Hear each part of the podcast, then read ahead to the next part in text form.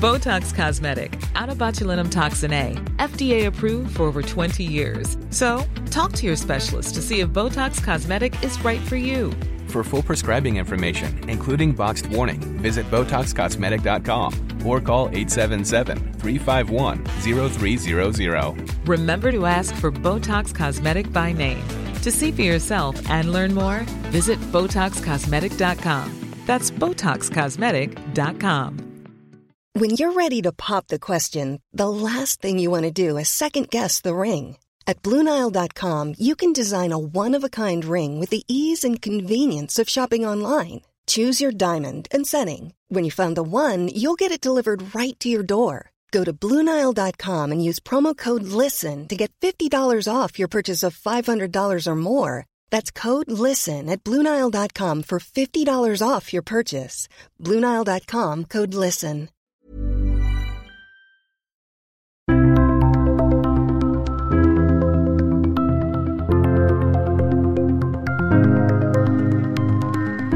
Norwegian Gannet skapte store bølger allerede før den ble satt i drift. Slaktebåten som henter laks direkte fra merdene på Vestlandet, skulle revolusjonere oppdrettsnæringen, og kunne ta jobben til både brønnbåter, trailere og lakseslakteri. Men siden båten ble levert, har det bare vært bråk. Etter planen skulle Norwegian Gannet ta med all laksen direkte til Danmark. Men staten vil at den stygge fisken skal gå til et norsk slakteri. Stikk i strid med forretningsmodellen til slaktebåten. Hva står egentlig på spill i denne saken? Og hvorfor er den blitt så betent? Det skal du få høre mer om i dagens episode av Det vi lever av. Jeg heter Marie Misum Bringsli. Med meg i studio i dag så har jeg BT-kommentator Hans Mjelva. Og med på linje så har vi forskningsdirektør i SSB Linda Nøstbakken. Velkommen til dere. Takk, takk. Tusen takk. Eh, Norwegian Gannet det er jo en sak som har eh, pågått i mange år. Det er altså en slaktebåt som eh, opprinnelig fikk eh, flere titalls millioner i støtte fra det offentlige. Den skulle føre til innovasjon og bedre fiskevelferd i næringen. Men det har endt opp med å bli en eh, veldig betent sak. Hvorfor er det blitt sånn egentlig, Hans? Fordi at staten underveis her, eller noen, oppdaga at denne båten hadde potensial til å true arbeidsplasser på land. Enkelt forklart. Linda, du har òg fulgt med på denne saken lenge. Hva tenker du den egentlig handler om? Jeg er vel egentlig nokså enig med Hans her.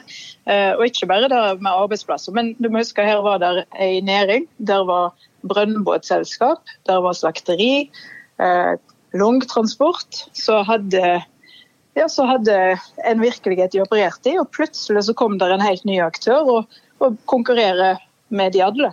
Så det er jo ikke, er jo ikke sånn som er så gunstig for deg heller. Så jeg tenker her er det ganske mange som har gode grunner for å, for å være skeptiske. Det er jo store økonomiske interesser på spill her også, eh, ikke bare arbeidsplasser. En, eh, det er jo det er spesielt to næringer, eller to deler av, da, av oppdrettsnæringa som denne båten truer. Det er slakterier, eh, og det er brønnbåtselskaper. Fordi det denne båten gjør, er jo at han suger Vanligvis så blir jo da ferdig voksen fisk frakta med brønnbåter til land, til ventemerder, altså opp, opp, på land. Slakta på et slakteri, og så blir han kjørt med trailere til kontinentet. Alt dette her skulle denne båten da erstatte. Denne båten suger fisken rett opp fra merdene. Det er et stort slakteri om bord i båten som slakter fisken, mens den da kjører til Danmark, der de har bygd opp et mottak for denne fisken, og så blir han frakta videre. Så um, veldig mange hadde gode grunner for å kjempe mot denne båten. Men, men hvordan kunne det skje at man først sa ja, og så sa nei til han når han var levert og klar og sto i Vågen her i Bergen og skulle døpes dagen etter?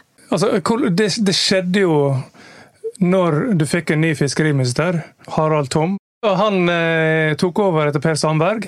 Eh, Fram til da så hadde jo staten sånn som du sier, sånn støtta denne båten med, med 29 millioner i ulike former for, for eh, støtte fra Enova og, og, og ulike fond. Eh, ikke minst fordi at denne her erstatta hver, hver, gang denne båten kjører med full, full last, så erstatter han 83 trailere på norske veier. Eh, men når, eh, når Harald Tom Nesvik kom på jobb høsten 2018, så vidt jeg husker, så eh, kom jo han fra et brønnbåtselskap. Uh, han ble erklært habil av sitt eget departement, det må vi ha med. Uh, men han snudde om politikken og begynte å kjempe mot denne båten. Uh, og så viste det seg at den eksisterende forskriften han, han, argumenterte ikke med at det truer norske arbeidsplasser, fordi at det ville være problematisk i forhold til EØS-avtalen, men med at det, det truer omdømmet til norsk fisk fordi at den båten tar med seg alt mulig av fisk til utlandet. Også sånn produksjonsfisk, som det heter, stygg fisk, som da skal sorteres ut. Mm. Men Linda, du har jo òg jobbet eh, veldig mange år i næringen, eh, og har sikkert sett eh, sånn såkalt produksjonsfisk. Er ikke det uheldig hvis den fisken som ikke ser spesielt bra ut, iallfall på utsiden, havner f.eks. I, nedover i det europeiske markedet? Ville ikke det vært uheldig for norsk laksenæring? Jeg hadde ikke hatt noe problem med det. For det, det, er jo ikke sånn at enhver fisk som blir ført i land en plass, bare spredt ut på noen sitt middagsbord. Her bruker de jo råstoffet for da Det er jo en veldig god ting som har skjedd både med, med villfanga fisk og oppdrettsfisk, er at de prøver å få maks ut av, av det råstoffet de har. Og da er det jo mer å finne rett produkt å lage av den, råstoffet du har. Så jeg tror jo ikke da at en som du sier, stygg produksjonsfisk For det skal jo ikke alltid så veldig mye stygt til. Altså, Det skal ikke så store skavanken eller skaden til før den blir nedgradert. Eh, men det kan jo bety at du kan få mye ut av den allikevel. Men jeg tror ikke de som sitter og tar imot disse, da bare sender de videre. og og, at det da, da står der med skiltet 'laks fra Norge' over seg i en eller annen fiskedisk. Så nei, igjen, jeg klarer ikke å, å, la meg skremme av det. fordi det er jo folk som driver med markedsføring. De har jo lyst til å få maks ut av råstoffet sitt, og da må de jo selge det på en måte som passer. Men dessuten så, så uh tilbød jo, eh, og gjennomførte det faktisk i praksis, eh, Havline, som da eier denne båten, å sortere den ut den produksjonsfisken i Danmark og sende den tilbake igjen til Norge. Det er jo sånn de har så vidt jeg har skjønt, har praktisert eh, det året de nå har hatt eh, dispensasjon. Eh, og det gjorde jo det, at de kunne gjøre det, det fjerna jo argumentet til Fiskeridepartementet.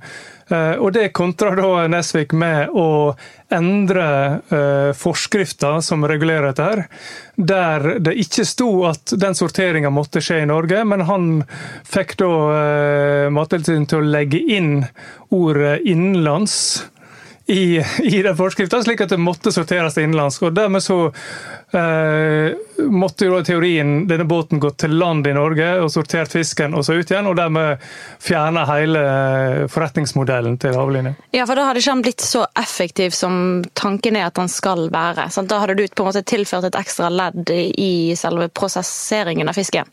Ja, altså det, det hadde jo i realiteten eh, da tror jeg kanskje ikke dette her har blitt så lønnsomt uh, i det hele tatt. Hele poenget med den, den, effektive kjeden er jo at du skal, du skal seile direkte til Danmark og unngå trailer. altså.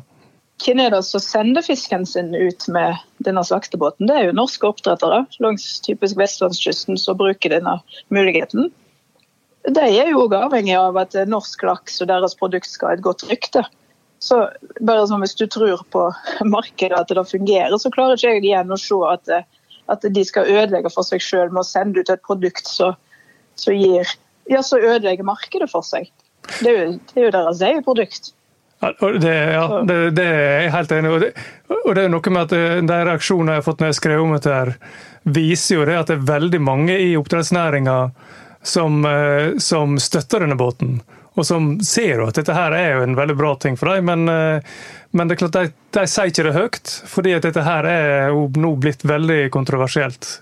Ja, Kanskje du forteller litt om det, Hans. For du har jo skrevet, eh, du har fulgt denne saken lenge, du har skrevet mange kommentarer om denne saken. Det er en sak med veldig steile fronter, eh, men det er òg en sak hvor, eh, hvor Norwegian Gannet og Havline kanskje har fått litt sånn uventet støtte, bl.a. fra Miljøvernforbundet, dyrevernere.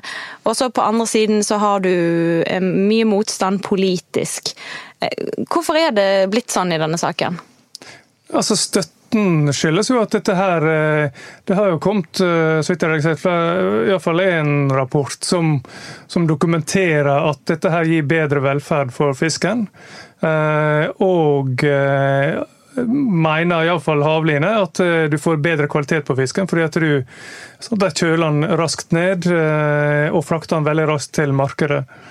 Når det gjelder motstanden, så er jo det Eh, disse sterke næringene, eh, som jo er, ligger langs eh, kysten i stor grad. Og, og det er klart, der Altså, distriktsarbeidsplasser er knallhard politisk valuta i Norge.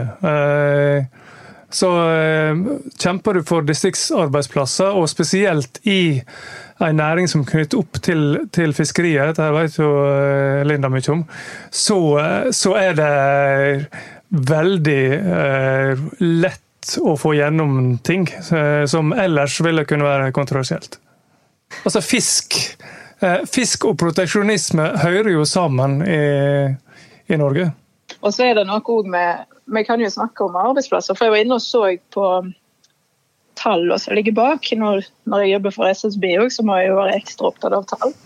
Og det er jo det er jo en god del som jobber i norsk fiskeindustri, men det som slår deg, er jo det er jo hvor mye sånn mellombels arbeidskraft det er som tar under sesongtoppene, og hvor stor andel som er av uten, ja, utenlandsk opphav, som det står i statistikken. Så Det sier jo noe om typen arbeidsplasser, og at det kanskje ikke alle disse arbeidsplassene iallfall er disse her eh, trygge som du går til dag inn og dag ut eh, hele året i mange år. skulle jeg si. Eh, så det er noe å ha med seg. Og det andre er, for å ta den andre sida det, er, det er ikke nødvendigvis massevis av arbeidsplasser der du som ufaglært eller med ikke så veldig mye utdannelse kan gå inn og få deg en god jobb. Og da At du får på plass sånne arbeidsplasser langs kysten og ja, ellers i Norge òg, så, så følger det gjerne et, et, behov der. At det åpner opp muligheter for de som, som, kanskje har lyst til å jobbe litt før de går videre på skole, eller som eh, ikke har lyst til å gå så mye på skole. Men samtidig så er vi jo i et land med et veldig høyt lønnsnivå, som gjør at det er vanskelig når du har arbeidskrevende prosesser å være konkurransedyktige. Og det ser vi òg. For hvis du går inn og ser på lønnsomheten i fiskeindustrien, så er det fryktelig lave. Og er det låg lønnsomhet, så betyr det at det er òg man si, lønnsevne. Så du har ikke de høye lønningene du kan tilby, og du kan ikke gjerne tiltrekke deg alle mulige folk heller. Så uten at det er noe negativt, men det, det sier jo noe om den typen arbeidsplasser du her du her på en måte beskytter både på ene og andre sida. Så ja, jeg, jeg, klarer igjen, da, hvis du, hvis du ser på det råstoffet De snakker om at du, du møsser bearbeiding i Norge ved å frakte fisken ut. Så er det ikke så lett å få til bearbeiding i Norge i veldig stor stil og få det til å bli lønnsomt. Da tenker jeg, da må du øve på mer og mer robotisering, automatisering. Så får du en annen type arbeidsplasser du sitter igjen med, men mye mindre behov for arbeidskraft fordi du bruker mer kapital i stedet for. Og Da kan jeg gjerne se at det blir mer rom for bearbeiding i Norge. Men da blir du stonget mot en annen vegg. Så er dette med, med, med avgifter altså For å få solgt bearbeidet fisk inn til EU, så er det jo mye høyere toll på det enn hvis du selger fileter og rundefisk. Ikke sant, og Det var jo et av argumentene som Harald Tom Nesvik brukte når han var fiskeriminister, at han hadde et veldig sterkt ønske om å skape flere arbeidsplasser langs kysten ved å få til mer foredling av fisk i Norge. Men da får vi igjen denne her eh, høye tollsatsen på bearbeidet fisk som Norge har inn til EU. Kan du fortelle litt mer om det, Hans? Altså det, dette her er jo um, Fisk har jo vært uh, en av de viktigste sakene begge gangene Norge har forhandla om norsk EU-medlemskap. Uh, og, og, og uh, Norge vil jo ikke gi Dette er jo en diskusjon mellom Norge og EU der både eh, landbruk og fiskeri er en del av potten. Eh, og Norge ønsker jo ikke å gi mer kvoter på villfisk enn de må. Eh, men, og en av de tingene da Norge ga EU, var jo at EU e fikk pålegge toll på eksport av, eh, av, norsk fisk, og det mener jeg vel gjelder vel også villfisken, eh, for at du skal skape arbeidsplasser i EU på bearbeiding. Ja, for det, nå er det jo utrolig mye fisk som bearbeides i land som f.eks. Polen, altså norsk laks, sånn som det fungerer i dag. Ja, og Det er jo både fordi at arbeidskraften er billig. For dette her er jo, som, som Linda sier, ganske arbeidsintensivt Eh, virksomhet. Eh, men også fordi at du har den eh, tollvernet. Denne saken den har jo vært behandlet flere ganger i mange instanser. så Denne har vært behandlet i Mattilsynet, så greip Nærings- og fiskeridepartementet inn.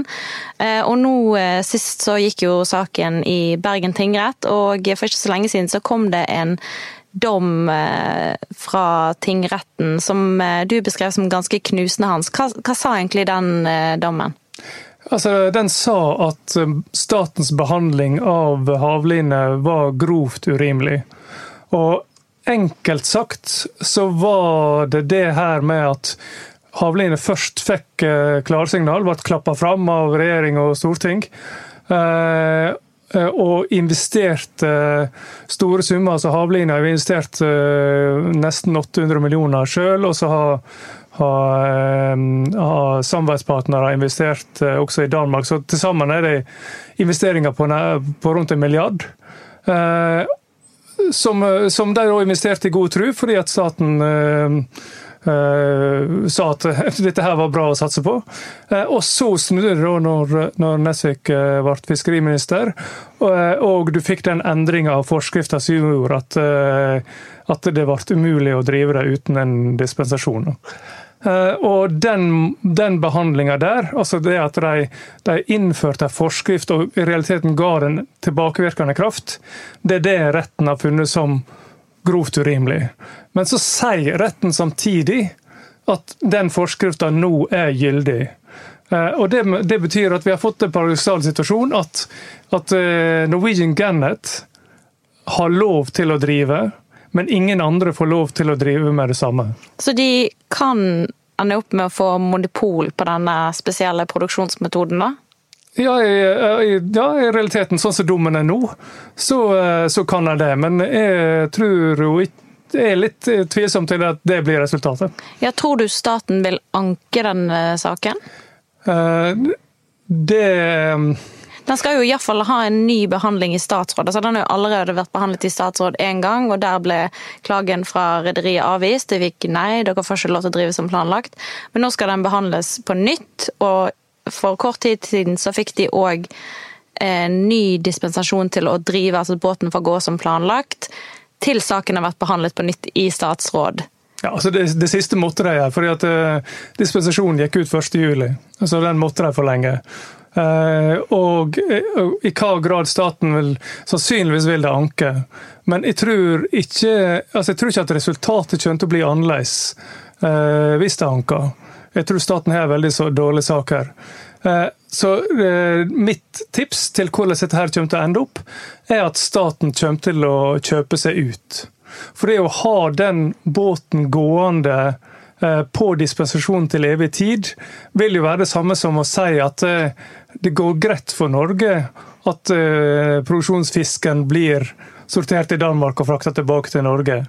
Og Da, da undergrev de jo egentlig sitt eget argument. Så jeg tror staten kommer til å betale en stor sum, over en milliard, for å kjøpe havlinje ut av dette, slik at båten kan bli lagt i opplag.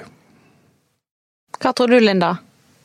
jeg håper jo inderlig at Hans tar feil der. For de, jeg må jo si at det er sånn, når du har aktører som tar de signalene som er, de følger de reglene som er, og de, investerer her ganske mye kapital òg, så er det ganske ødeleggende hvis du endrer reglene og, og si, dreper investeringene deres. Det er jo det er jo dårlige rammevilkår for investorer å operere i noe sånt. Så, så det er jo uheldig. Sant? Når det er sagt, så ja. Og har du én båt som går opp og ned, så vet du, du vet på en måte effekten av det.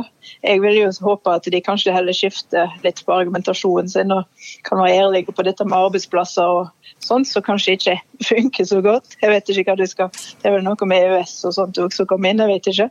Men at um, at den får, får, lov å gå videre. fordi det er jo mye positivt med den. Vi har tatt miljøeffektene med du sparer trailerlaster som går opp og ned. Du, du sparer det fiskevelferdsgevinster her. Du får råmateriale ganske fort ut i markedet. Det er mye positivt med dette. Og så har du nedsida, så er dette med som vi snakket om, arbeidsplasser og, og økt konkurranse da, i disse segmentene i, i Norge. Men nå har jo denne saken blitt, eh, jo denne saken her blitt eh, storpolitikk. Altså Nå i vår så meldte jo eh, den danske fødevare- og fiskeriminister Mogens Jensen seg på debatten, og han sa bl.a. til den danske avisen Børsen at han skulle ta opp denne saken med sin norske kollega. Hva betyr det at danskene melder seg på hans? Altså, De vil jo ha uh, denne båten uh, De ønsker jo denne båten velkommen, naturligvis. For dette her, jeg tror han uh, Fram til uh, mai-juni så har han så frakta fisk for så vidt jeg husker, for 1,8 milliarder sånt, til Danmark. Så for Danmark er jo dette her viktige inntekter. og de, klart de øyner jo her å få Altså, Den båten her et, er jo såpass effektiv at hvis den har fått lov til å seile, så du, eh, ville kanskje store deler av den norske laksen blitt frakta ut på denne måten, som ville gitt Danmark store inntekter. Så de er jo, de er jo selvsagt ute etter å, å mele seg eierkake her. Det, men det er ikke bare bare å snu i denne saken her heller eh, for eh, regjeringen. Nå har, det jo, nå har det jo saken pågått i snart eh, to år. Ja, og det er jo det som er litt av paradokset her, er jo at Eh, altså, Nesvik eh, endra jo politikken. Eh, men han fikk jo også med seg Fremskrittspartiet, og dermed fikk det med seg regjeringa på å skrive inn en formulering i regjeringsplattforma som, som Iallfall sånn som det blir tolka, som, som gjør at regjeringa forplikter seg til og, eh, og stoppe denne båten. Ja, Iallfall stoppe produksjonsfisken fra å havne i utlandet. da. Det var vel det som var Jo, jo, ja. men, altså, men det, det, alt dette her handler om å stoppe denne båten, og stoppe at andre gjør det samme. Så hver gang noen snakker om produksjonsfisk, så snakker de egentlig om Norwegian Gannet? Ja. ja. Det er litt greit å sette dette i perspektiv. fordi hvis du så på, Jeg, jeg fant tall for var det 2018, så var det 16% av laksen som blir eksportert fra Norge, er bearbeida.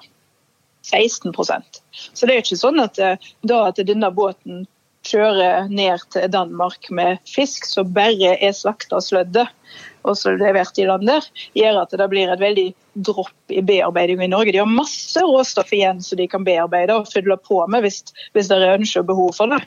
Så bare sånn for, jeg tror, tenker så, Hva er det danskene vil? Mye av, veldig mye av den norske laksen, den aller aller meste, største delen av den norske laksen vil jo bli eksportert uten å ha blitt bearbeidet i noe særlig grad. Og Mye av det går til Danmark, og noe går til Pol. Så hvorfor er danskene så opptatt av det? Det er jo fordi dette sikrer dem stabil tilgang til råstoff. Sant? Men det er ikke da at dette ellers hadde blitt bearbeidet i Norge. Hva skjer hvis oppdrettere i utlandet ser at eh, dette er mulig, men det blir ikke lov i Norge, men man kan gjøre det i andre land? Hva kan det bety for norsk oppdrettsnæring? Må de åpne for det her òg, da? Altså, jeg, jeg, jeg, tror altså For det første så, så kan du jo få en utvikling i Norge også, der du får um, slaktebåter. Uh, men de må frakte fisken i land i Norge. Eh, det kan ligge en effektiveringsgevinst her. og er, Du har allerede begynt, den utviklinga er allerede i gang. Altså Du har eh, bløggebåter og du har altså det, det er utvikling som er på gang allerede.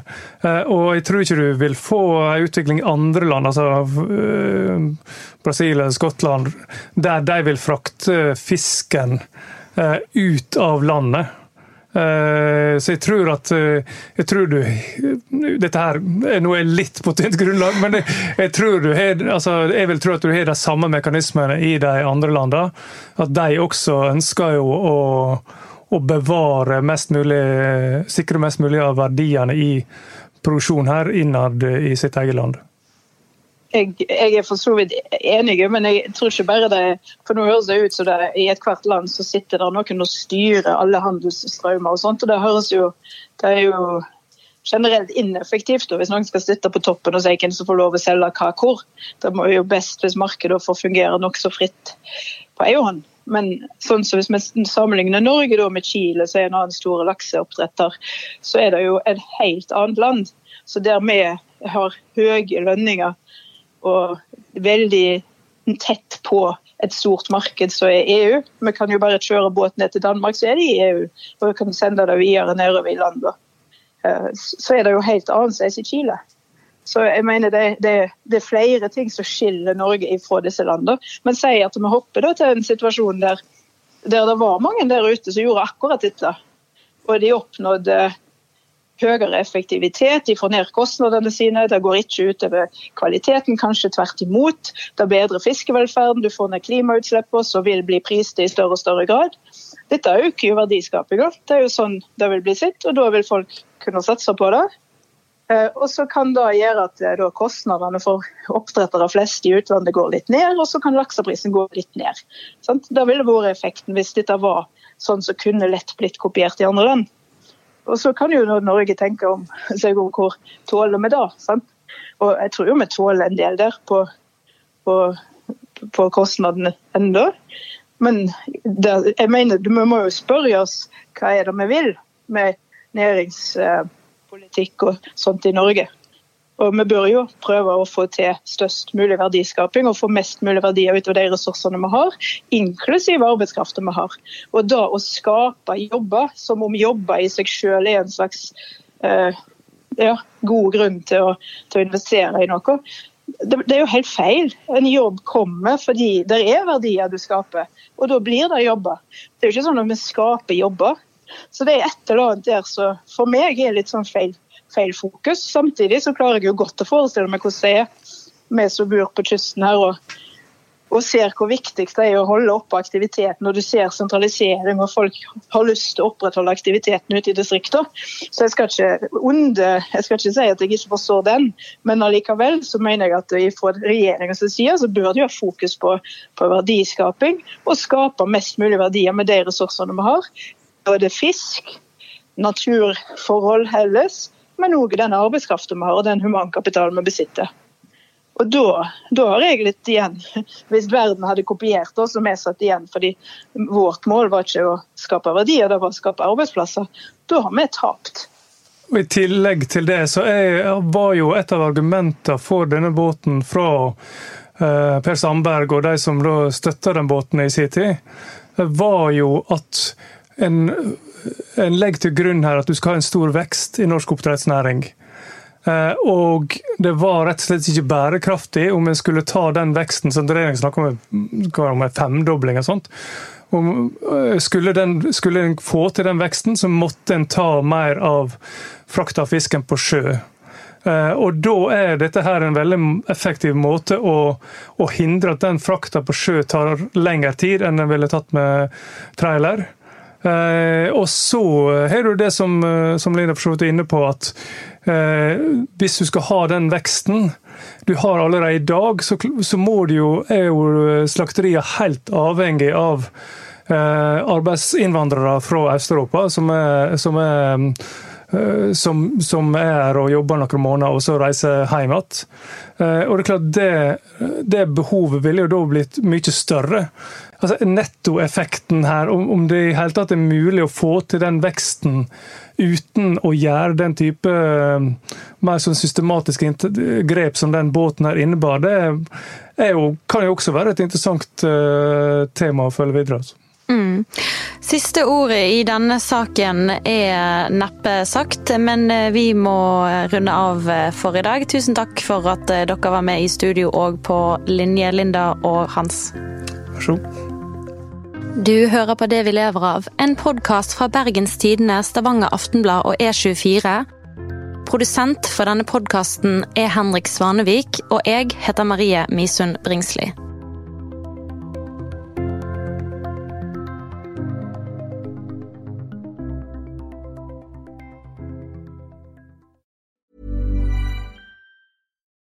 Botox Cosmetic, out of botulinum toxin A, FDA approved for over 20 years. So, talk to your specialist to see if Botox Cosmetic is right for you.